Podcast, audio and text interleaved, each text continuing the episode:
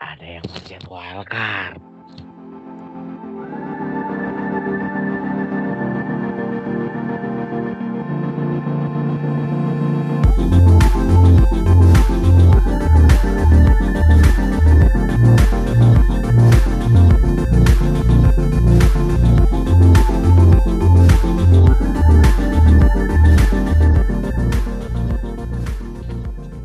Selamat datang di podcast Mister Gawang season 2 episode 4. Masih ketemu gue Bayu Wajanto dari Kofli. Eh, terus ada Erik dari FL Ranger, Mbah eh siapa nih? Imawan dulu ya, Imawan dari FPL Cisewu dan Paulus dari Mbah FPL. Gimana kabar game week 3? Cie, gue gak nanya kabar kesehatan ya. Males gue. Game week-nya tai lah. Ini poin paling tinggi Mbah kayaknya nih. Gimana Mbah? Bisa kepikiran Wesley Mbah? Kurang ajar. Wesley, Wesley kalau apa ya nggak tahu pingin aja tiba-tiba ngepick Wesley game Anjir pingin aja. Pingin aja. mainstream ya.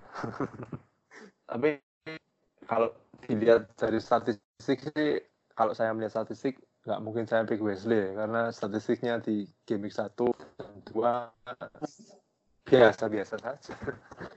Cuman ya pingin nyoba lah. Eh ternyata pas waktunya dia golin. Tapi golnya memang lumayan sih. Bagus, golnya Hmm, bagus. Lumayan lah. Golnya bagus. Hmm. Eh, sebelum kita buka, eh kalau kabarnya timnya Bang Erik gimana Bang? Gue, tim gue tuh berapa Iya. poinnya? Gue sampai nggak mau ngeliat loh. Ini Empat. udah saya lihat kan ya. 48 atau 49 gitu ya poinnya? Atau Iya sebelas, sebelas dua belas sama gue lah itu mah. kayak sekitar segitu deh poinnya. Eh, ya nyekor kayaknya cuman salah Sterling siapa lagi ya? Uki lu nggak punya Kapten ya? kan kapten kan ngegol nggak? Enggak lah. Eh Bang, Kapten gue Sterling, Sterling. Terus dan gue kane lagi. Gue nggak punya Puki, nggak punya Megin, nggak punya siapa lagi tuh. nggak punya siapa-siapa lah gue. Agak sampah sih. Masih di atas rata-rata sedikit kayak. Rata-rata itu berapa sih? 46 atau 44 gitu ya. Oh, Empat, empat, empat, empat, empat. di atas gue kalau gitu. Masih di atas average sedikit gitu. Oke. Ya, cuma Kalau Kang Cis gimana Kang? Ya empat, empat pas. Pas ya. Rata-rata air laut. Iya. Ya udah lah ya, Kapten Kane ya. Eh, sebelum kita mulai di game eh, pembicaraan diskusi untuk season eh episode 4 ini, preview dikit, eh preview, review dikit dari kemarin game week 3, Aston Villa 2-0 Everton, eh, Wesley anjing emang. Terus McGinn, McGinn ini masih dia masih mendapatkan poin di game game seterusnya. Lumayan oke nih. Nah, Norwich Chelsea 2-3 ya walaupun kalah tapi ya kita mah nggak nggak penting skor akhir ya kita pentingnya siapa yang golin siapa yang asis ya terus clean sheet apa kagak gitu aja aduh pandit FPL Eh Puki Puki satu gol satu asis ini masih masih Puki party. Carnwell ini lagi-lagi dia nyekor harganya sekarang 47 ya dari 45 wah lumayan signifikan Abraham 2 Mason Mount Mason Mount ini masih masih agresivitasnya keren sih. Go- Golnya juga bagus banget. Eh, lanjut ada Brighton kalah di kandang Southampton. Kayaknya karena karena Andone ya nggak sih? Andone keluar langsung berantakan mainnya.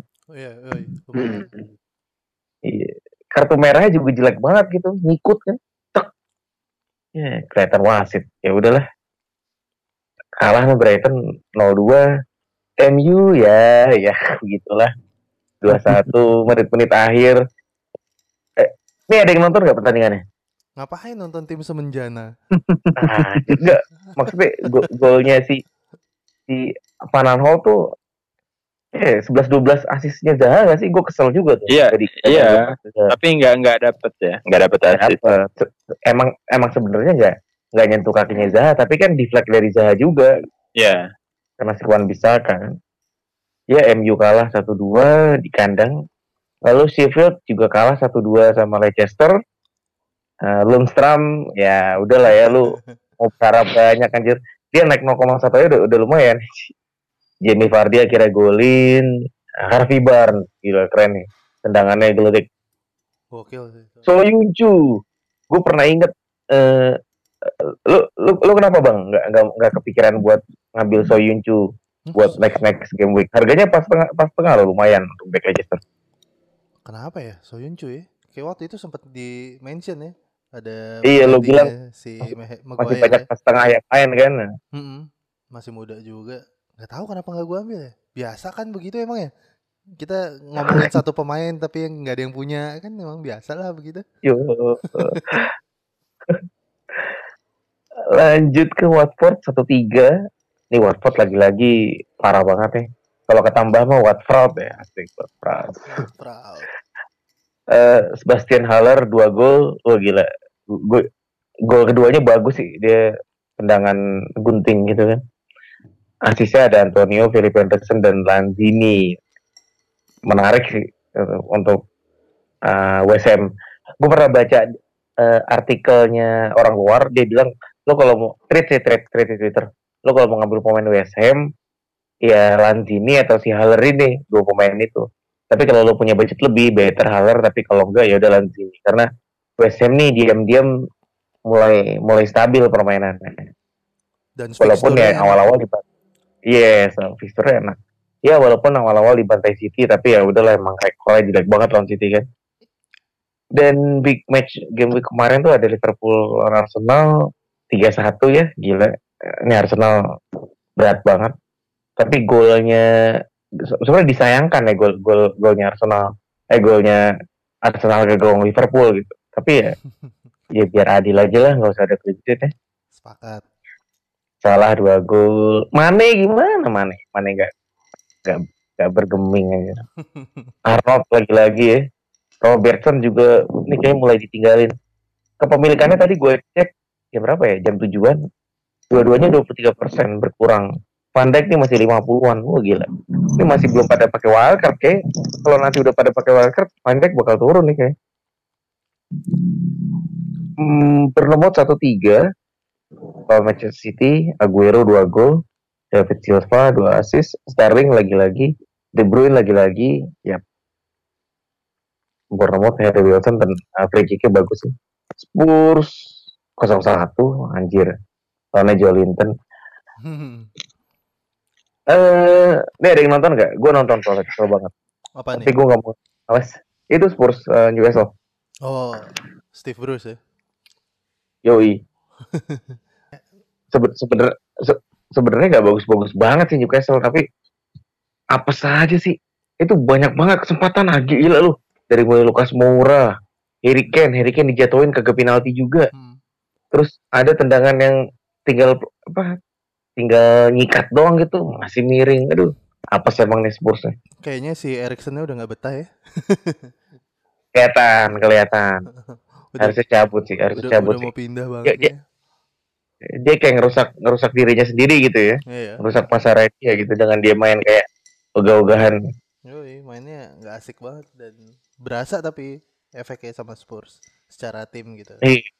Eh, lalu di pertandingan di terakhir di game week terakhir ada Wolves sama Burnley ini harusnya menang Burnley nih cuman akhir-akhir Wolves dapat penalti ya Jimenez ngegolin Dan Pope hilang kiper sejuta umat ya.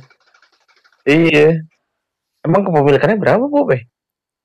Kayak lumayan. Sepuluh ya? Sepuluh persen loh. 10 persen Sepuluh. lah Sepuluh doang. Cemen. Sepuluh. Gue pikir Iya. banyak.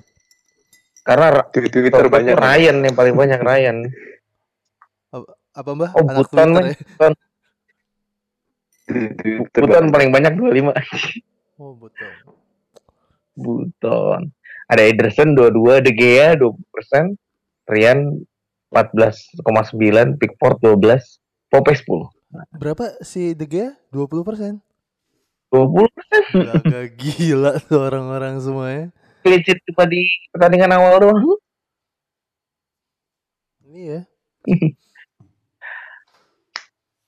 Yep, itu eh, sedikit review dari kita. Langsung aja nih ke eh, apa yang mau kita bahas nih. Salah satunya eh, emerging striker option. Jadi munculnya striker-striker baru yang bisa jadi opsi buat kita. Harganya miring nih, bukan premium. Gue mau nanya sama Mbah nih. Mbah menurut lu siapa aja sih Mbah striker-striker yang baru yang bisa jadi potensial manajer-manajer buat watchlist dulu nih paling enggak ataupun mau transfer in. Eh, untuk harga miring ya. Eh, yang kemarin kan beberapa udah banyak yang kontribusi ya macam Sebastian Haller, Puki juga meskipun Puki sebenarnya udah nggak minoritas ya banyak sekali yang udah punya. Tapi untuk game ke depan sih menarik ya karena Puki udah lima gol ternyata. Nah, kita mesti punya apa ya target apa kayak prediksi sih Puki ini mau sampai berapa gol ya sumpama kita prediksi dia 10 gol lah katakanlah kita udah kelewatan 5 gol tinggal 5 gol lagi kan sayang kan ya. kalau saya sih Puki menarik ya karena kepemilikannya juga besar untuk main aman. Tapi kalau buat yang ingin beda mungkin Sebastian Haller juga menarik. Kemarin golnya juga ya lumayan meskipun jaraknya dekat-dekat gitu kan. Barnes juga menarik. Kalau saya sih striker harga ini pilih yang jadwalnya enak sih pak kalau saya. Kalau form sih ya sosok lah. Kurang lebih lah kayak Wesley juga kemarin golin gitu kan. Uh, sesuai jadwal sih kalau saya. Siapa tuh yang Kalau menurut tiga. jadwalnya? tiga week 4 siapa Mbah menurut lu? Wesley menarik. Haller menarik. Haller menarik karena di komposisi West Ham lini tengahnya juga mendukung ya. Ada Antonio terus Felipe Anderson isi squad kedalaman Haller menarik sih. Dari segi ofensif penyerangan ya. Itu sih dan jangan lupa juga striker Chelsea Tammy Abraham cukup menyita perhatian. Karena kemarin dua gol harganya udah naik 7,1 Eh, bahkan Giroud pun sempat bilang kalau dia nggak apa-apa sih sebagai backup. Yang penting penyerang-penyerang muda Chelsea ini bisa lebih baik gitu loh. Seakan-akan ini tanda bahwa Giroud ya ya ngalah lah. Ya udah tua juga memberikan apa ya, semacam wejangan ya buat striker-striker muda Chelsea untuk lebih berkembang Tammy Abraham jadwalnya menarik dan saya rasa Lampard sangat suka dengan pemain ini ya terbukti Michi Batshuayi nggak pernah main Oke lanjut. Kalau gue sih eh, striker yang murah meriah, yang menarik nih, malah Danny Ings loh. Dia harganya 6 sama kayak Wesley ya, pilihannya Mbah. Cuman dia diam-diam udah satu gol satu assist. Dan tiga match ke depan sih kayaknya bisa lah ngegolin kalau dimainin. Ya walaupun golnya cuma gol-gol blunder si Adrian itu ya, tapi lumayan lah. Harganya 6 ya memang nggak harus berharap tidak berharap banyak sih tapi untuk nyimbangin Wesley berani sih. Dan mungkin kalau saya sedikit beda ya karena kalau kita lihat eh, kontribusi Ings juga tergantung lawannya juga sih kalau menurut saya. Kemarin Liverpool blundernya Adrian terus waktu ketemu Brighton juga ya efek kartu merah itu pasti terasa sih buat Brighton. Dan secara permainan juga Ings tergantung dari apa ya tergantung dari kurang ya kayak nggak kayak dulu yang dia sempat 11 gol waktu membela Burnley ya kalau nggak salah ya Burnley ya dulu di Burnley masih jauh sih kalau menurut saya sih. Secara permainan juga Soton ya itulah. Ya apa? Sebenarnya yang penting sih kalau saya secara permainan sih. Karena Hmm, ya dia semakin sering membahayakan lawan maka kontri, apa peluang cetak poinnya semakin besar. Sedangkan Danny Ings juga belum terlalu terbukti terlalu membahayakan lawan. Kecuali yang membayangi Adrian itu cuman kita lihat nanti lah. Ya optimis sih lawan MU kan. Bisa bisa bisa. kemarin kan juga nih lanjut-lanjut yang eh, si striker option ini ada nama Puki kan dan Puki lagi-lagi dia dia ngebuka keran gol lagi. Asisnya juga bagus banget ke Canwell dan golnya juga bagus banget nih gol soloran akhirnya terobosan gitu dia tinggal ngesut dan masuk. Nah, duetnya dia sama Canwell nih mulai menyita perhatian para manajer terutama dari harganya Puki yang sekarang udah 7 juta dan harganya Canwell nih naik 0,2 jadi 4,7. Menurut lu gimana, Bang Erik, mengenai eh, fenomena Puki dan Canwell nih?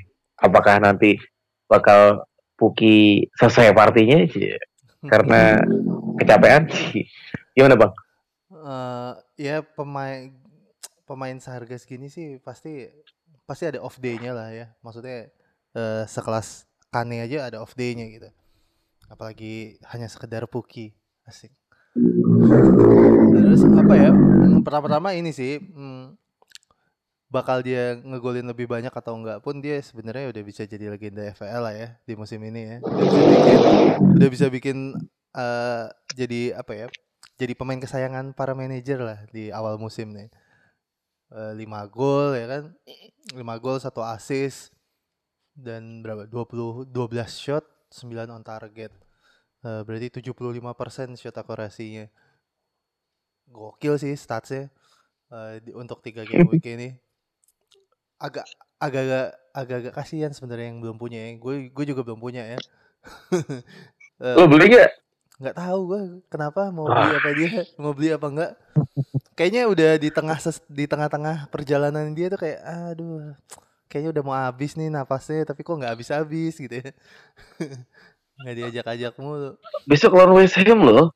West yoi. Ham tuh belum pernah clean sheet. iya benar benar eh apa ya gue selalu suka yang kayak gini-gini sih striker striker model gini yang ngegolinnya nggak pernah nendang kencang-kencang gitu ya. Placing placing aja bolanya datar-datar aja tapi pasti masuk ke gawang. Pergerakannya doi juga oke nyari posisinya canggih juga. Kayaknya eh, positioningnya pinter apa ya eh gue pernah baca di gara-gara minggu kemarin tuh gue baca di di Guardian kalau nggak salah Eh, si siapa Mar Bielsa tuh sempat bilang katanya eh, waktu di championship kan Bielsa kan di Leeds ya. Si Bielsa sempat bilang ini pemain emang sulit susah dijaga gitu. Karena nyari posisinya pintar. Dan si Bielsa tuh terakhir bilang nih orang tipikal orang yang mainnya sederhana tapi efektif gitu. Jadi nggak banyak gerak nggak banyak nggak banyak apa ya nggak banyak glitter glitter gocek gocek gitu nggak banyak kan dia simple banget mainnya. Iya. Hmm, mainnya simple, nyari posisinya bagus, efektif. Ya, ini tipikal striker idaman sih yang kayak gini-gini nih. Kalau Canwell gua nggak terlalu merhatiin, cuman dia kan main di sayap ya? Kiri apa kan? Sayap. Iya, Kiri. sayap. Kiri ya? Mm. Sayap kiri. Harga udah 4,7, 2 assist, 1 gol di dua game week terakhir. Menurut gue sih dengan bracket harga empat setengah siapa sih musuhnya mah? Itu kan ini kan kayak harga-harga dendongker gitu ya. Iya, Lu- dan lu dongker pakai- deh. Iya, lu cari div- apa? Cari midfielder empat setengah yang lu pakai jadi defender ke empat atau kelima gitu. Yang penting main kan intinya gitu cuma buat cadangan. Eh menarik Hmm. lah di dua game week terakhir bikin gini. Apalagi posisinya lebih advance daripada Dendonker ya. Karena Dendonker kan lebih ke MC gitu. Ini menarik banget sih, wajib banget eh jadiin watchlist. Sama ada satu lagi sebenarnya pemain eh, Norwich yang punya peran cukup besar siapa? Buandia ya. Hmm. Gue dia. Ya, Buandia ini ya diam-diam udah bikin dua assist juga dan dua-duanya lawan tim gede gitu ya. Satu bikin waktu lawan Liverpool sama sebelumnya kemarin bikin lawan Chelsea. Nah, harganya lebih mahal sih, ber- 6 kalau nggak salah ya, harganya 6. Dan kayaknya dia lumayan jadi tumpuan se- sebagai apa ya? Sebagai kreator di lini tengahnya Norwich. Ini menarik juga sih Buandia nih. Jadi eh, emang asetnya Norwich menurut gue yang menarik emang jadinya ya penyerangannya aja ya. ya mungkin eh, kalau boleh ditambahin ya tiga pemain ini sih Buandia, Puki sama Canwell. Mau pilih yang mana? Cari yang sesuai aja budgetnya. Paling. Gue sempat lihat eh, gol-golnya Puki di di YouTube, gol-golnya Puki di championship eh, tahun lalu. Itu gol-golnya mirip-mirip men. Jadi first time terus eh, nggak banyak bener nggak banyak sentuhan tau-tau ngesut gitu Yoi. emang ciri dia gitu effortless cuy kayak ngegolin tuh gampang banget buat dia iya iya, bener, bener. gila sih dan dia udah golin gawang Liverpool loh jadi walaupun emang yang jaga bukan Alisson ya tapi ya emang patut diwaspadai ini nggak bo- nggak boleh didiemin gitu. Kepemilikannya sekarang udah 35 persen Eh, quite big ya buat buat ukuran striker mediocre. Jimenez pernah segitu gak sih pernah pernah kan? pernah pernah ya? Jimenez ya cuman nggak nggak di awal musim kan? Dia di tengah-tengah pasti Iya. apa menjelang akhir gitu. Jimenez ngegasnya nggak di nggak di awal musim memang. Iya sih. yang menarik ini sih ternyata kan perkiraan banyak eh, banyak apa banyak orang bener gitu ya. Kayak di Twitter kan rame. Eh, dia lawan Liverpool aja ngejebolin. Masa cuma lawan Chelsea nggak jebol? Aja jebol juga gitu. Iya. tambah lagi satu assist. Jadi kayaknya eh jadinya terkesan mau dikasih kiper kayak apa juga bisa juga dijebolin sama dia. Cuman mungkin yang bi- yang bisa ditambahin yang menarik eh, strateginya ini ya strategi permainannya si Norwich ya kayaknya mendukung banget gitu. Dia bukan tim promosi yang eh, ketemu lawan tim big big six terus langsung mainnya agak di belakang. Ternyata nggak gitu juga berani-berani ngelawan juga berani nyerang jadi semakin memperbesar kemungkinan mereka ngegolin sih walaupun kebobolannya lebih banyak ya cuma buat FPL kan nggak peduli dia Norwich menang apa enggak ya nggak yang penting pukinya golin eh gue penasaran deh sama Kang Cis deh. Kang Nis kan sekarang kan Yep, yep. kayaknya back premium mulai mulai ini ya, mulai ditinggalkan ya. Mengingat dengan harga 6 juta ke atas, lo nggak dapet apa-apa kecuali dua poin doang. Syukur-syukur dua poin, tapi banyak yang satu poin kan. Fenomena ini sebenarnya mulai, mulai jadi pemikiran para wildcarder nih di game week keempat. Ada ada asumsi nih pilih Dave Everton aja deh gitu jadwalnya bagus terus apalagi Lukas Dinya kan gitu harga 6 juta tapi eh, dia punya daya gedor kurang lebih sama kayak Robertson atau Arnold menurut lo gimana Kang Dave Everton atau Dave Liverpool nih untuk mengarungi game-game selanjutnya di FPL Wah, ini back-back Merseyside ya. Asik. Jadi kalau sebenarnya sih ini baru tiga game week ya. Kita nggak bisa ngejudge defense Liverpool gitu aja. Ah, Oke lah kalau clean sheet mungkin Adrian ya bukan top keeper lah, bukan levelnya Ellison atau Ederson. Cuman kita lihat Arnold juga eh, walaupun cuma satu assist tapi ada gitu loh. Mungkin Robertson ya, Robertson memang belum ada hasilnya. Cuman kalau ngomongin underlying statsnya si Robertson ini udah pasnya cukup banyak. Apa ya? Eh, creating chance-nya cukup banyak sebenarnya. Cuman ya kurang beruntung aja nggak tembus. Kalau ngomongin Everton sih Dinya sebenarnya Dinya itu satu apa ya satu level sih sama mereka. Mer- eh, berada di level yang sama dengan si TAA Robertson Van Dijk. Nah yang jadi masalah kan kemarin Everton dua clean sheet tapi begitu game week 3 wah double nih Everton bobol juga. Jadi sih kalau untuk jangka panjang tetap Liverpool ya tetap Liverpool Eh, pengecualinya pengecualiannya Lukas Dinya sih. Jadi kalau emang bisa dua-duanya itu lebih bagus. Eh ngomongin soal back premium mudah ditinggalkan menurut gue sih sabar aja dulu. Ini baru tiga game week loh tiga dari 38 eh yang nggak bisa dijudge gitu aja kalau wah back Liverpool udah nggak udah nggak manjur nih back premium nggak ada nih ngapain lima back apa segala macam nggak kita lihat nanti di akhir musim gue yakin tetap apa ya papan atasnya top point di FPL itu yang di defender ya pasti ya ini mereka mereka ini cuman belum aja jadi eh, entah di game week berapa nanti tunggu aja lah pasti akan ada buah hasil dari kesabaran kalian. Oke.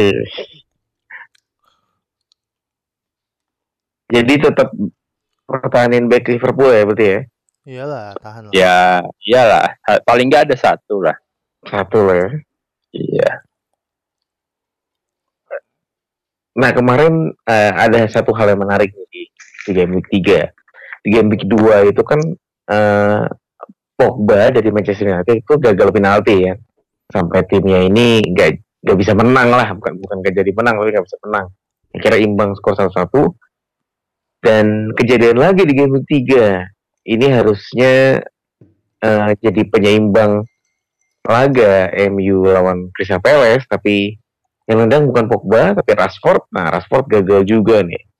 Menurut ente Bang Erik, Gimana gimana? ini nanti ini nanti yang nendang bakal Martial apa tetap Rashford nih di penalti taker karena bau-baunya MU bakal dapat penalti terus nih karena udah tiga tiga tiga pertandingan dapat penalti terus men. Asik. Ya, MU ini kan tim mediocre yang menangnya ngarepin penalti ya. asik. Eh, kalau gue pribadi sih gue lebih suka Rashford ya. Karena gaya nenda apa eh, tendangannya tuh selalu sudut gawang gitu ya. Itu penalti dengan dengan lo ngincar sudut gawang tuh kayak susah banget lah disikat eh ditepis sama kiper. Dan kemarin pun kan gagalnya sebenarnya cuma karena kena tiang gitu ya. Bukan karena kena save kayak si Pogba ngehe itu. Yoi, jadi kalau kalau gua gitu ya, kalau gua jadi Ole sih gua akan ngasih ke Rashford juga. Kayak kemarin lu ngeliatin gak habis si itu Martial langsung lari habis jatuh ya si Martial lari ngambil bolanya si bola ya? Yoi, ngambil Iya. bolanya langsung dikasih ke Rashford kayak bilang ntar cepetan bro ntar diambil Pogba nih anjing gitu. gue anjing. Iya cuman cuman emang eh, kalau kalau merhatiin sih emang agak-agak tegang gitu sih si Rashford kemarin ya, mau waktu mau Nah, jadi kalau ditanya Rashford atau Martial ya nggak tahu juga sih tim ordernya gimana dari Ole ya. Cuman kalau keputusannya ada di gua sih gua akan nyuruh Rashford lagi sih. Dia baru sekali gagal lagi dari berapa kali percobaan penalti. Ya. kalau ya kalau Pogba kan dari berapa sih? Dari 10 empat gagal apa? Enam gitu ya? Empat kayak empat gagal terakhir. Ya menurut gua kasih kesempatan lah. Tadi sempat ngomongin Martial. Martial kira-kira gimana sih? Bakal, bakal tampil gak di game 4 ini ada yang tahu beritanya nggak? Terakhir sih ada yang bilang eh, bakal absen, Absen ya? cuman absen eh, ya cuman ya masih rumor lah. Belum rumor ada, ya. belum ada kabar resmi dari MU juga. Ya ditunggulah. soalnya kalau absen gila eh MU cuma benar-benar punya Greenwood sama Rashford doang kan nggak apa-apa lah apalagi Sanchez baru cabut ya Mm, iya udah udah fix Sanchez ya kayaknya Udah, fix udah, deh, udah. loan udah udah. Gila. Inter menang banyak nih ya Conte men Conte effect dapat Lukaku dicicil lima tahun. Dapat Iya. dapat Sanchez bayar gaji setengah. Iya setengah. Banget loh Inter nih Is. Asik. ya lanjut ke lagi ngomongin ini nih apa?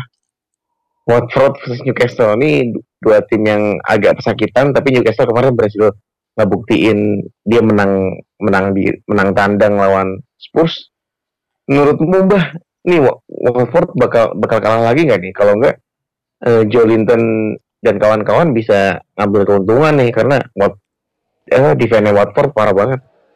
Mm. Iya karena menurut saya sih kayaknya Newcastle kalau bisa mempertahankan permainan kayak lawan Arsenal, lawan Arsenal Newcastle Spurs, lumayan Spurs. seharusnya. Lawan Newcastle Arsenal lumayan, cuman ya karena blunder terjadi satu gol. Oh, Lawan Spurs juga eh, ya ketemu satu gol kemudian pakai bebas juga nggak ada yang salah dengan itu kan. Yang penting kan menang kan. Eh, sedangkan lawannya Watford ya kayak tim pesakitan ya kayak kemarin lawan West Ham peluangnya juga lumayan sih harusnya ya. ada oleh Bas yang tinggal dekat gawang nggak masuk di juga ya, mungkin kurang beruntung sih kalau saya Watford tapi kalau lihat formnya kayak gini sih saya berani Newcastle harusnya ya. meskipun ketat sih sama-sama tim pesakitan oh iya, ada ada satu hal menarik juga sih, Mbak. Ini kan kemarin banyak banget yang transfer out salah ya, cukup banyak ya. di game week 3 ini. Yang dibeli Mane dan kejadian nih ya sebenarnya udah udah kayak trio sakit kepala di beberapa musim lalu ya. Eh, kita nggak bisa nebak nih ini game week ini siapa yang golin, siapa yang asis gitu, siapa yang absen. gitu. Kejadian Mane game week 2 gacor, game week 3 salah ya gacor. Nih game week 4 nih buat yang udah punya Mane harus beli salah lagi apa enggak sih Bang menurut lu Bang? Atau menurut saya atau gimana? Bebas. kalau menurut saya sih ini ya kalau misalnya keputusan kita yang kita akan kita ambil menyebabkan kita sakit kepala yang mending kita ambil satu pertahankan atau ambil dua-duanya sekalian kalau saya dan kayak mus, eh, pekan lalu kan ambil sa- salah salah blank cuma sekali kan lawan siapa? Lawan Newcastle ya blank. Eh Soton lawan Soton blank Eh, kemudian orang-orang beramai-ramai transmigrasi ke Mane yaitu apa ya Kalau- Bodoh, Mbah, bodoh. menurut saya ya bun, bukan butuh sih. Agak- keliru juga karena salah dan Mane satu tim. Terus poin mereka juga ya kadang Mane yang ngekor kadang salahnya ngekor gitu kan. Apain tuker-tuker. Dan kalau misalnya sekarang udah punya Mane mau mau balikin ke salah kalau saya iya ya untuk jangka panjang ya. Karena jujur secara pribadi kayaknya lebih potensi salah untuk menjadi ya, untuk yang poinnya lebih tinggi dari mereka sih. Kalau kita lihat eh, data musim kemarin, musim kemarinnya lagi, hmm, gitu sih. Ini yang lain ada mau nambahin soal fenomena salah dan Mane ini? eh ini nih Eh, sebenarnya benar sih kata Mbak stick stick aja ke salah satunya aja ya maksudnya nggak usah begitu salah ngegolin ambil salah terus mana ngegolin? Tukar lagi. Yang ada kalian malah dapat blanknya mulu ya nggak? Jadi jadi udah stick aja di satu. Percayalah nanti di akhir musim ya gol mereka sama-sama banyak lah. Ter- terbukti ya di musim kemarin kan juga bersaing golnya mereka dengan Auba. Jadi daripada kalian apa ya istilahnya ketinggalan momentum karena transfer tukar-tukar antara salah dan mana udah mana yang emang kalian yakin pakai aja satu. Kalau memang kemarin salah ngegolin dua bukan nggak mungkin yang Soton terulang kan mana yang ngegolin. Jadi ya udahlah sabar aja. Baru juga tiga game week Padahal udah minus-minus nih Kang Cis nih. Oh, Masih bisa nyuruh orang sabar. Nggak bener. hilaf saya pak Tapi lumayan kan Sterling sebenarnya. ya tapi tidak membantu juga ini poinnya baru 154 pasti yang di sini dong, aduh itu ini sensor itu apaan Asik sensor. poinnya. Enggak itu Poin saya gitu harusnya. enggak enggak itu itu poin kalau di jumlah average 3 game week masih di at- masih di atasnya kok aman Masih lumayan lah ya. ya 151 average-nya beda tiga Oh, average itu 151. ya kalau di jumlah Eh, North London Derby. Ini kandang siapa sih? Spurs apa Arsenal sih? Lupa gue. Arsenal. kandang Arsenal. Arsenal Oh. Eh, menurut lo gimana nih Kang? Nih Kane kan kayaknya udah mulai banyak di transfer out nih. Pada lari ke Aguero. Ini kayaknya Kane bakal gacor nih feeling gue. Tapi segacor-gacornya mereka ya tetap lawannya Arsenal ya. Paling kalau hat trick sih nggak mungkin ya. Tapi dua gol atau satu gol satu assist kayaknya mungkin buat Kane ini. Terus Lukas Moura juga kayaknya gatel banget kemarin. Menurut lo kan, ini bakal ada gebrakan baru kali dari Spurs. Hmm, gue kemarin nonton ya Tottenham Newcastle. Itu satu tim nggak nggak lolos eye test. Kacau, kacau namanya. Maksudnya eh, mereka tuh bingung. Ya apa ya? Ya nggak ada sosok Erikson yang yang niat main sih soalnya. Jadi jadi emang bingung soalnya kan tiga tiga itu tiga pemain emang mentalnya nusuk semua kayak ada Lukas, ada Son, ada Kane dan Pamela juga ya kurang pas lah. Ya jadi kalau misalkan mau ngelawan Arsenal di kandangnya Arsenal dengan ya, apa ya kalau nggak ada perubahan gaya mainnya tetap kayak kemarin sih eh, bisa dibilang mutlak mutlak sih menang Arsenal. Ya Arsenal ya dari ya walaupun kalah lawan Liverpool ya Liverpool memang ya katakanlah untuk musim ini ya dua musim terakhir ini emang beda kelas lah dengan City di mereka di atas. Nah tapi Auba ini kan yang ngotot ya tipenya eh, tendangannya terus juga PP juga udah mulai main. Nah kemarin itu Lacazette dicadangin sih, tapi kalau North London Derby ini tiga-tiganya bisa main, ya bisa sih ngasih perlawanan. Ini kayaknya menang Arsenal sih. Dengan catatan kalau Spurs nggak berubah ya, kalau Pochettino masih mengandalkan gaya bermain yang kayak kemarin, itu sumpah itu. Itu niatnya nonton Kane kan. Tapi kok kayak gini, Kane malah jadi MC kayaknya. ya apa ya? Gak ada ya nggak ada supply bola. Aduh, Lo Chelsea kayaknya belum itu sih, belum benar-benar nyetel ya, masih pemain baru juga. Tapi ya mungkin yang pemain yang bisa menggantikan peran Erikson mungkin Lo Chelsea sih kalau dia udah benar-benar stabil ya. Kalau Lamela sih kurang ya untuk untuk asis-asis gitu. Jadi sebenarnya sebenarnya itu biasanya si sports ini ke apa ya kehilangan Trippier sih. Sosok ya kreatif lah paling enggak dari cornernya segala macam. Sekarang apa? Walker Peter deh. Walker Peter. Ya itu sih. Kalau untuk apa yang aku lihat kemarin kayaknya menang Arsenal dan yang pegang Auba mungkin mau iseng-iseng kapten boleh dicoba. Bah biasanya beda nih. Sama kali ini. Cuman emang agak menarik sama strategi transfernya Spurs sih ya. Maksudnya gue dia kan finalis Liga Champion ya nyet ya. Eh, harusnya mam apa ya bisa jadi daya tarik juga kan lo mau nyikat pemain-pemain yang high profile. Dan duitnya juga banyak kan hasil finalis. Cuman nggak dilakuin gitu kayak aneh aja beli paling yang high profile ya Ndombele boleh lah dan emang terbukti oke gitu.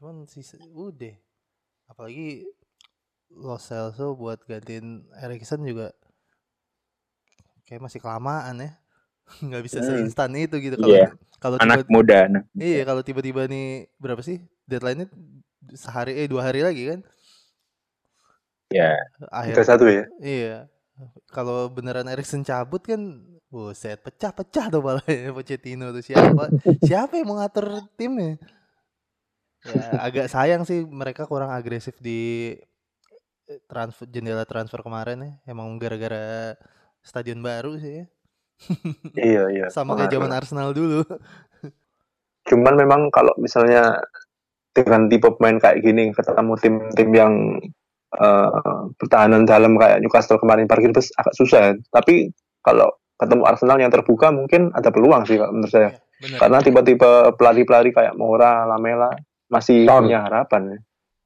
Hmm, bener sepakat sih gue itu kalau counter attack sih masih masih serem lah Hmm. Pertahanan Arsenal juga nggak terlalu bagus ya. jelek, Mirip jelek jelek, jelek. David Lagi David Luiz aduh sampah, sampah, sampah banget sampah. David Luiz dia adu lari sama Mora kayak David Luiz gimana ya? Dia gimana gimana kenangan masa lalu lah kan. Ya udah lah, lo, lo pernah bagus ya udah tapi tapi ya lu sekarang udah tua, udah udah berat gitu. sebenarnya Ya. seca- seca- secara teknis intelijensinya Hmm. menurut gue lumayan sih Luis Ya ada, iya. cuman sering banget posisinya berantakan gitu sering banget ketarik-tarik kok kayak kemarin tuh kan ada tuh yang dia eh, sama siapa sih Kartu kuning kan ya masalah. Oh iya sama salah dia di kiri kan Baik baju ya. Dia, Iya. dia nggak mau lihat kali takut merah kan. Mm-mm. ngapain dia ada di kiri Ya, Itu makanya harusnya po- tengah kan. Iya posisinya tuh sering banget salah deh. Kalau lo perhatiin nih, kapan kalau lo lagi nonton Arsenal, lo perhatiin deh. si dia sebenarnya teknisnya bagus, baca pertandingannya oke. Cuma positioningnya buset. Sembarangan banget dah. Pecah-pecah deh pala itu. Tapi ini kan sekarang dipegang Emery itu dia nggak yang maju-maju mau nyundul gitu nggak kayak waktu zaman Chelsea nya Sari gitu. Mm-mm. Dia diomelin sama ini sama Emery. Udah lo gak usah maju-maju. Setiap lu maju gue potong gaji lu berapa persen. Iya. Eh ya tr- tren kemarin kan parah nih ya. Ini the big six nggak ada yang clean sheet ya. Bener gak sih nggak ada yang clean sheet ya? Nggak ada. Ini menurut lo Bang Erik, eh, ini bakal berlanjut atau emang ini kebetulan aja nih? Karena memang kemarin kebetulan ya Liverpool sama Arsenal ketemu kan, jadi oke lah gitu nggak ada yang clean. Tapi tim-tim lain nih eh, semuanya buntung gitu. Ya emang ada yang menang, tapi ada yang kalah juga. gitu. Dengan harga-harga yang di atas rata-rata, ini masih worth it nggak sih? Eh, Dev Dev premium di the Big Six nih? Hmm, sebenarnya nggak cuman kemarin ya, minggu sebe- game week sebelumnya juga kayaknya Big Six nggak ada yang clean sheet deh kalau nggak salah. Oh iya, nggak ada, nggak ada. Mm, dan dalam dua minggu itu cuma ada lima tim yang berhasil clean sheet dan nggak ada yang big six gitu. Eh, tapi kalau gua sih ya buat yang kalau buat jangka pendek ya mungkin akan sangat mudah kita bilang eh back premium kemahalan gitu ya nggak ada yang clean sheet juga tai nih gitu ada dua game week nggak ngapa-ngapain cuma kalau buat jangka panjang ya bener kayak tadi Om Bayu bilang sih. Eh Om Bayu Om Ka- Kang Cis. Kayak Kang Kang Cis bilang eh ya lu masih terlalu dek- masih terlalu cepat lah menyimpulkan Eh, dan gue juga masih gue juga percaya eh, di akhir musim nanti yang poinnya gede-gede ya nggak jauh-jauh dari yang tahun musim kemarin gitu ya. Robertson lah Van Dijk lah atau eh, Laporte gitu sih menurut gue. Eh, kalau buat jangka panjang gue masih percaya walaupun gue gue pribadi juga agak-agak shifting gitu. Di awal musim gue pengen nyobain pakai 4-4-2 gitu ya pakai dua back premium yang harga 6 ke atas gitu. Terus satu back satu, satu back Hah?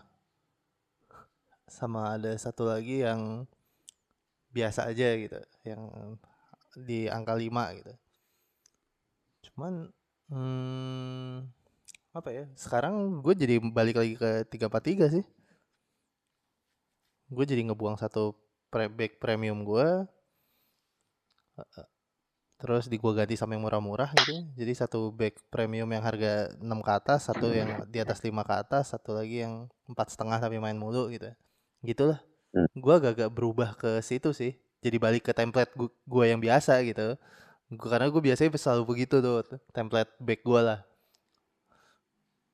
mungkin ya berpengaruh sih cuman gue tetap percaya eh back premium di di apa di Big Six bakal poinnya gede sih di akhir.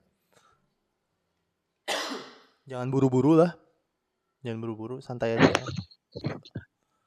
Eh, ada yang denger ini nggak? Eh, cederanya Daniels tuh lama nggak sih? Cheryl Danielsnya Bournemouth? Yang berarti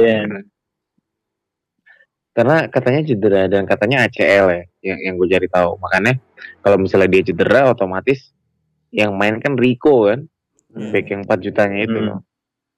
Ya mudah-mudahan aja beneran lama gitu. Kalau perlu sampai akhir musim. Asik. Kang Cis, nih gue mau nanya lo nih. Nih Aguero transfer harus masuk gak nih?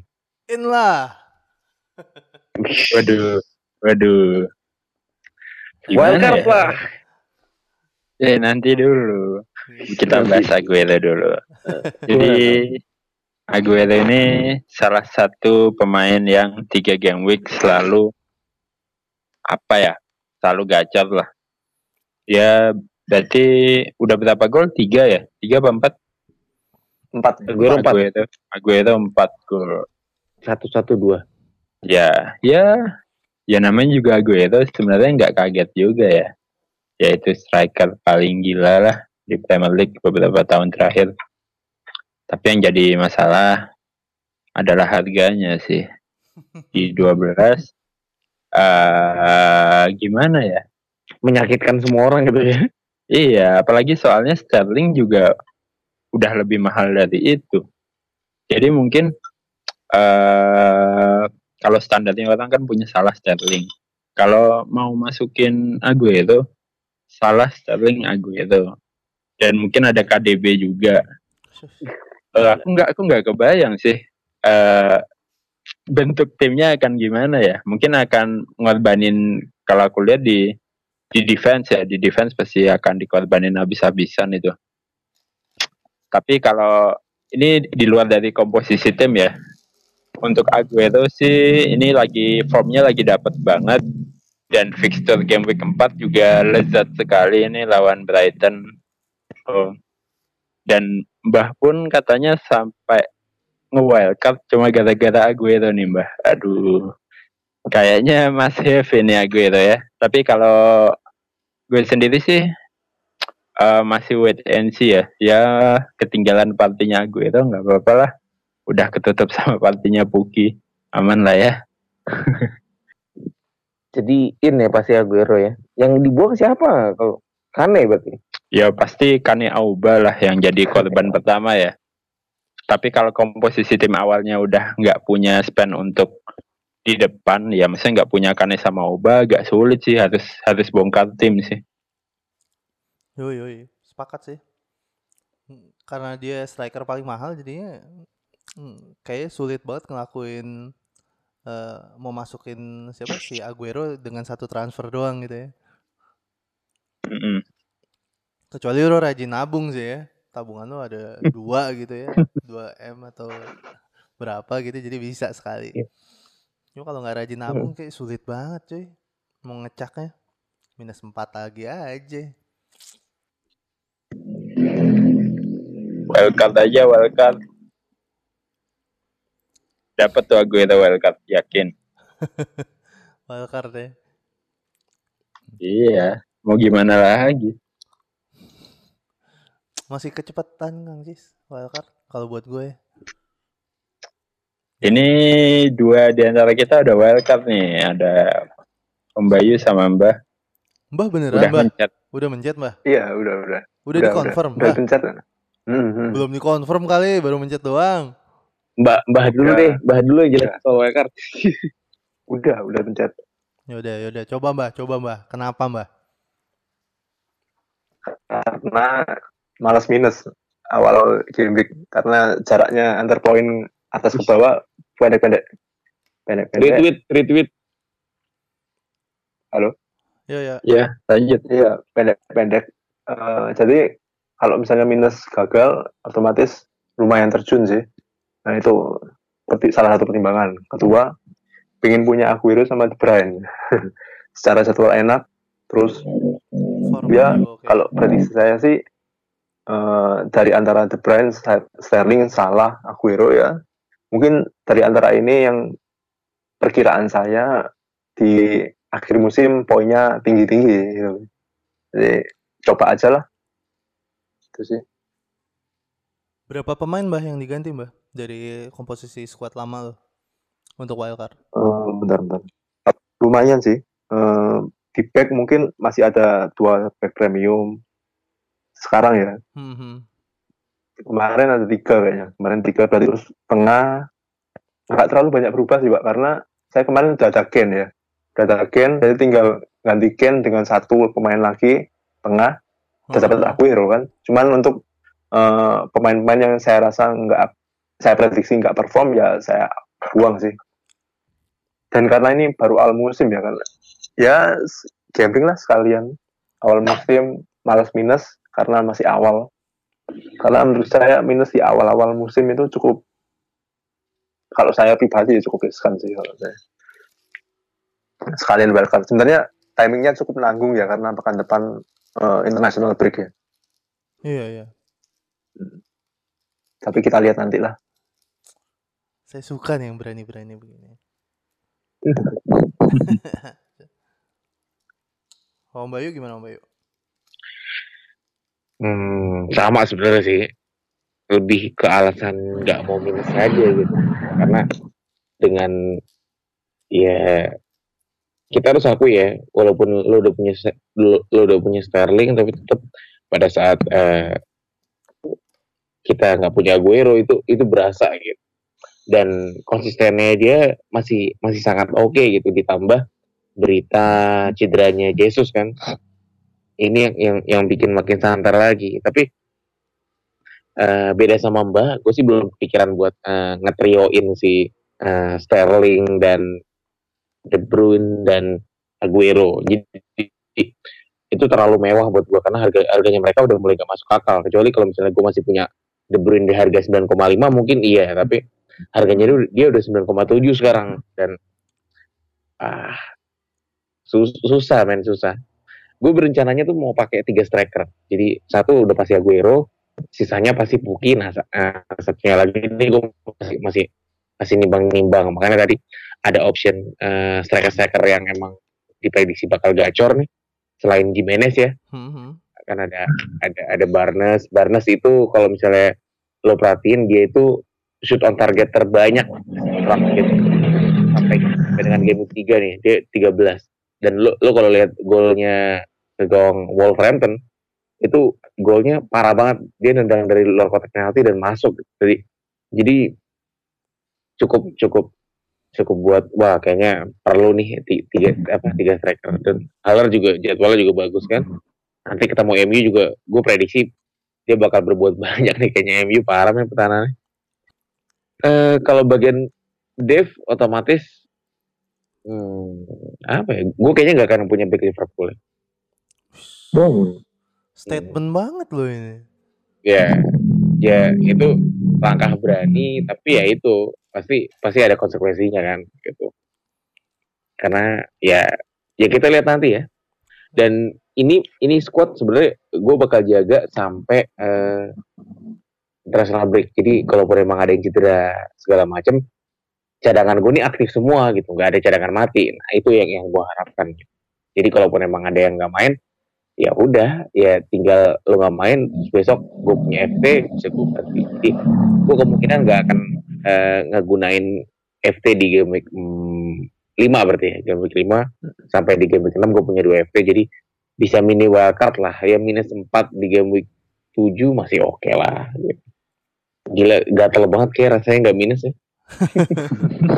Ini yang menarik sebenarnya gini sih eh, di antara kita berempat kan yang poinnya yang paling tinggi tuh Mbak habis itu Om Bayu gitu ya. Eh, Iya. Baru ada Kang Cis sama gua gitu di bawah. Nih dua yang paling atas nih udah ngaktifin wildcard. Nih maksudnya gimana nih kayak Hmm. Kang Cis.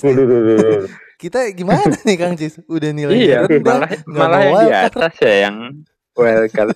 Yoi. Kita malah tahan-tahan gimana ini? Makanya. eh sebenarnya ini loh sebenarnya itu banyak asumsi juga udah lo gak usah wildcard karena ini squad masih template terus eh, pondasi pasti semuanya sama either lo punya Sterling salah ataupun lo punya back Liverpool atau lo punya striker premium itu semua template semua sama cuman kan ya balik lagi gitu lo gue nggak mau minus terus gue nggak mau kehilangan momentum eh takutnya ya itu minus tapi hasilnya nggak berbalik kan lu mendingan mendingan lu nggak minus kan gitu itu yang yang yang gue pikirin sih dan ternyata mbah tuh mengerti apa yang gue.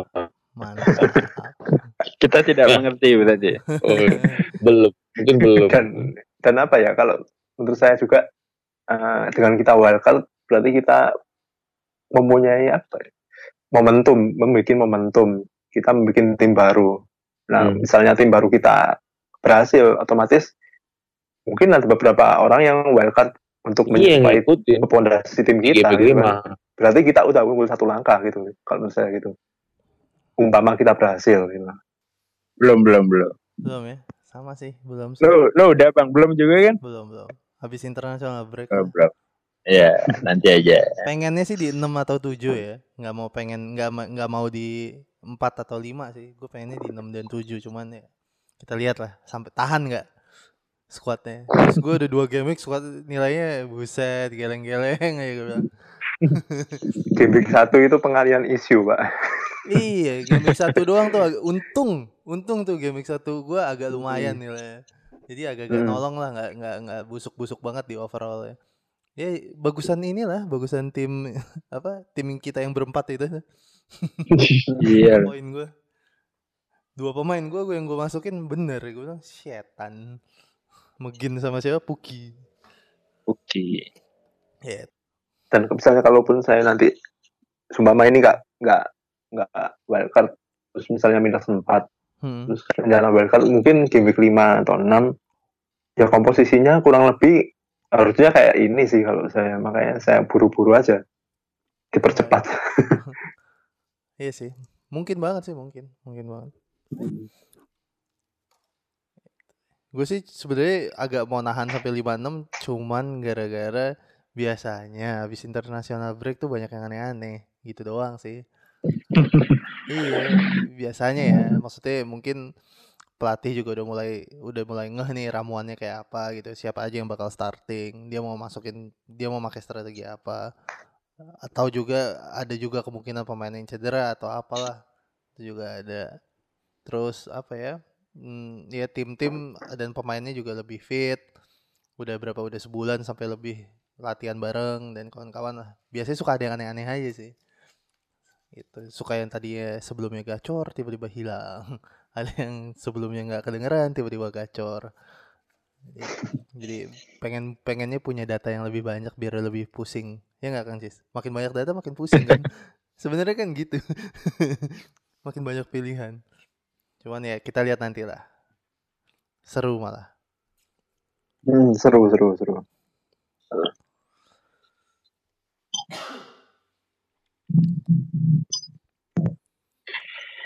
Oh iya, ini kan ini mulai mulai kontroversial nih VAR nih. Ini kita akan kedatangan eh, satu gestar untuk menjawab satu pertanyaan kita mengenai VAR. Eh, bagaimana eh, pengaruh VAR untuk Liga Inggris, terutama kita yang main FPL karena eh, di sini wasit jadi nggak bisa mengambil keputusan penuh karena mereka harus nunggu eh, VAR referee, Nah, wasit VAR yang bakal menentukan. Ini decisionnya gue gol apa enggak atau deci- decisionnya penalti apa enggak eh di non jauh di sana ada Master Dad ya Pak Dedi Master Dad bakal eh, ngasih bujangan ke kita nih atau ngasih masukan ke kita mengenai VAR eh, seperti apa dan bagaimana perkembangannya ke pengaruhnya ke FPL monggo Master Dad waktu dan tempat dipersilakan. VAR pada tahun ini dua season 2019-2020 adalah merupakan suatu peraturan baru di dunia persepak Inggris atau EPL. Pada awalnya sih kita berharap dengan adanya VAR tentu semakin banyak penalti-penalti yang terjadi. Dan ini menguntungkan bagi pemain-pemain FPL yang merupakan penalti taker seperti Sigurdsson, Kane, bahkan Aguero. Namun kenyataannya pada game pertama VAR menghasilkan kejadian yang tak terduga.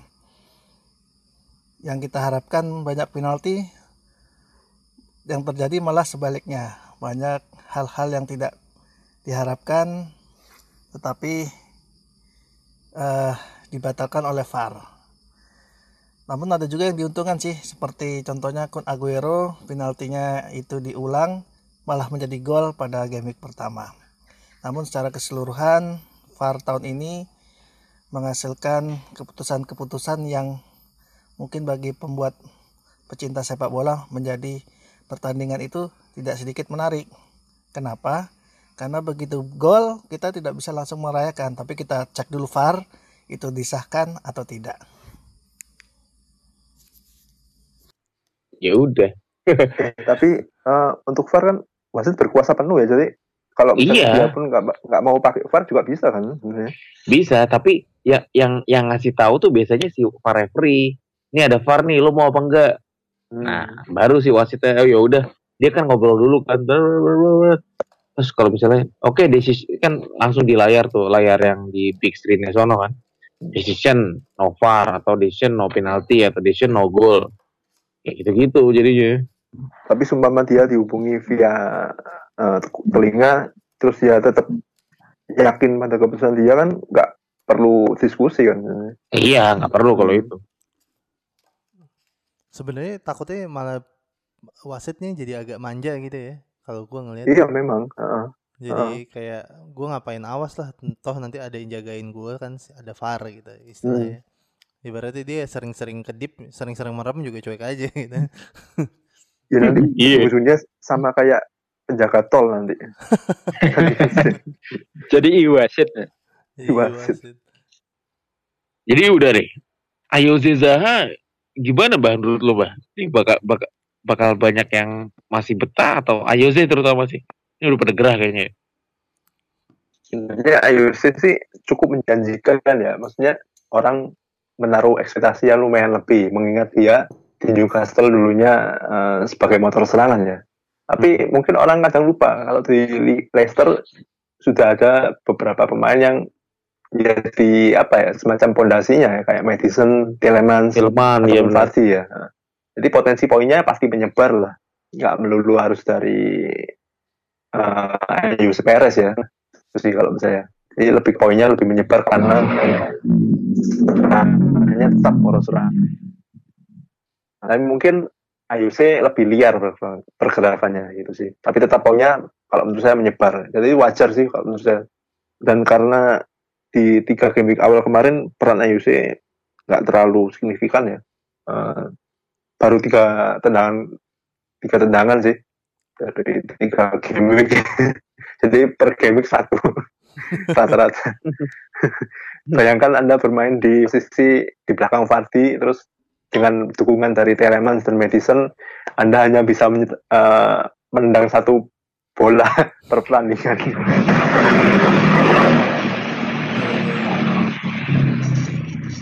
Sedangkan untuk eh, Saha, sebenarnya Saha ini menarik ya karena dia tulang punggung eh, PLS juga. Dan mungkin yang menjadi masalah Saha sih mirip-mirip sama Erikson kalau menurut saya. Dia umur pindah, ya, ingin pindah tapi klub nggak ngizinin. Itu pengaruh sih menurut saya. Eh, klub harus apa ya memberi jaminan lah buat Saha paling nggak Anda tampil bagus dulu lah nanti Januari boleh pindah gitu sih kalau saya. Eh, kalau Saha bisa kembali niat main lagi, Saha lebih oke ketimbang Ayu sih kalau menurut saya.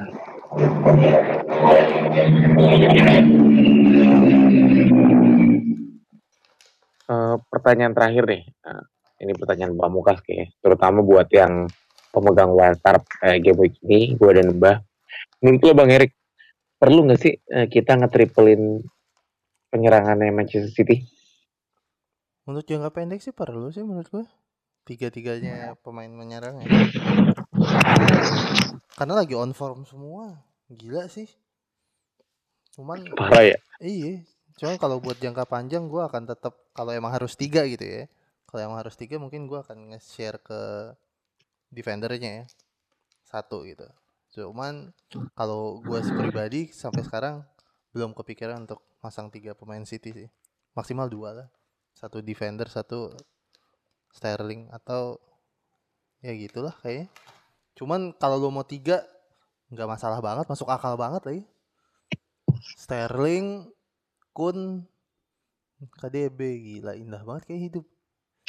Lawan Brighton, Tinggal alhamdulillah. lu- lu- Iya. Banyak loh. Terus ketemu Norwich, ketemu Watford. Gila loh. Iya, Cap cip cup aja suka-suka lo deh gitu ya. Iya. Apalagi kalau masih punya salah juga ya. Bu, elah indah amat hidup. Astaga. Terus punya Iya. Iya, terus punya Puki gitu. Nggak tahu yang golin Bernardo sama Mane ya. Muntah-muntah deh. lu. Wah. Paling ya udahlah, saya saya saya Twitter dulu. langsung langsung empat lima pemain hilang gitu ngong ya, gitu. Yang paling bete kan kadang-kadang gitu ya kalau lo punya apa eh, pemain banyak dalam satu tim gitu ya, terus nggak ada yang ngasilin gitu. Kayak lo punya tiga gitu tiba-tiba ya elah kosong-kosong gitu. Atau satu sama tapi nggak ngegolin kan kayak anjing anjing. Males banget ngelihatnya. Menurut gue sih masuk akal sih punya tiga itu. Iya. Eh, Oke, ini udah di penghujung acara sih, ya. udah penghujung podcast kita yang udah cukup lama ya ternyata ya. Eh, pem- pemilihan kapten, pemilihan kapten. Hmm, game week ini kayaknya gue realistis Sterling ya. Eh, dengan desas-desus dia di Twitter itu, pada pada ngikutin Twitter Oh. Sterling. Hmm, Iya iya follow. Kapten Sterling cukup realistis. gue eh siapa ya? Fardi deh. Fardi. Lu siapa mbak? Eh, Puki ya kayaknya. Kalau misalnya saya punya Puki, mungkin Puki. Karena West Ham eh, salah satu yang paling banyak menerima tendangan dalam kotak penalti ya ternyata. Aduh, Itu sih. yang ngambil Puki nih, Mbak. Bisa saya bilang gini soalnya biar Puki blank. Oh, biar ngecing sih. Ya, Oh lu nggak punya buki soalnya. Eh, Mbah, lu nggak punya Puki juga? Nggak ada rencana dalam waktu? Enggak. Enggak sih. Karena ya itu balik lagi ke itu. Ya kita nggak tahu sampai mana ini Puki bensinnya habis kan. Tahu-tahu dia udah lima gol, bensinnya habis. Eh, tinggal tiga gol lagi. Aduh, Iya, sayang harus gitu. sama sih. Gue juga mikirnya gitu tuh, Mbah. Mau masuk di tengah-tengah Hmm. kayak, aduh nanti habis, nanti habis gitu. Udah telat momentumnya kan kita sebenarnya. Iya, tapi kan siapa tahu dia masih tiga game week lagi golin mulu, Mbak. Dan kita Masalahnya juga pekan depan pekan depan udah break internasional. Momentumnya mungkin hilang ya. bisa hilang. Mm-mm. Tapi yang kita nggak pernah tahu kan. Tapi Ya, momentumnya bisa bisa. Masuk akal, masuk akal, Mbak. Yep. Eh udah Kangkis banyak. Oh, Kangkis. Oh iya. Gila, Lu siapa kan? mau dipotong, nggak ada sopan-sopannya nih. Sorry, sorry, sorry, sorry. Ketua Kopli. Kopli. Enggak, Ketua kopi loh ini. Iya. Ini lagi itu sih lagi mikir juga kalau anti mainstream ini siapa kalau mainstream jelas ya Sterling terus juga benar kata Om Bayu tadi udah dapat instruksi dari Sterling kalau mau triple captain silakan. Kayaknya dia pede banget deh buat Wih. match besok. Lawannya Brighton di langsung dari Etihad. kayaknya. Eh, intinya monggo monggo monggo kalau mau triple captain besok. Sorry yang kemarin cuma satu gol anjing. Kalau kapten yang agak anti mainstream sih kalau ngelihat form dan jadwalnya kebalikannya Mbah nih. Haller ya alasannya karena Norwich-nya main terbuka sih. Kan udah terbukti kebobolannya banyak. Udah Haller juga lagi dapat tuh formnya. Disikat sama Haller ya beres kali ya. Yep. Eh ini udah udah cukup lama kita nemenin teman-teman yang pengen tahu nih pertanyaan-pertanyaan yang lagi hits di FPL tuh apa aja buat buat game week 4. Terima kasih sudah mendengarkan. Jangan lupa kritik dan saran langsung mention Twitter kita at Mister Gawang Pot. Ah, mau mention kitanya langsung juga nggak apa-apa. Ah, kalau ada sumur di, ladang, jangan lupa menumpang mandi. Kalau ada umur yang panjang, mari dengarkan podcast Mister Gawang lagi. Terima kasih. Gokil. Eh, bye bye. Gokil.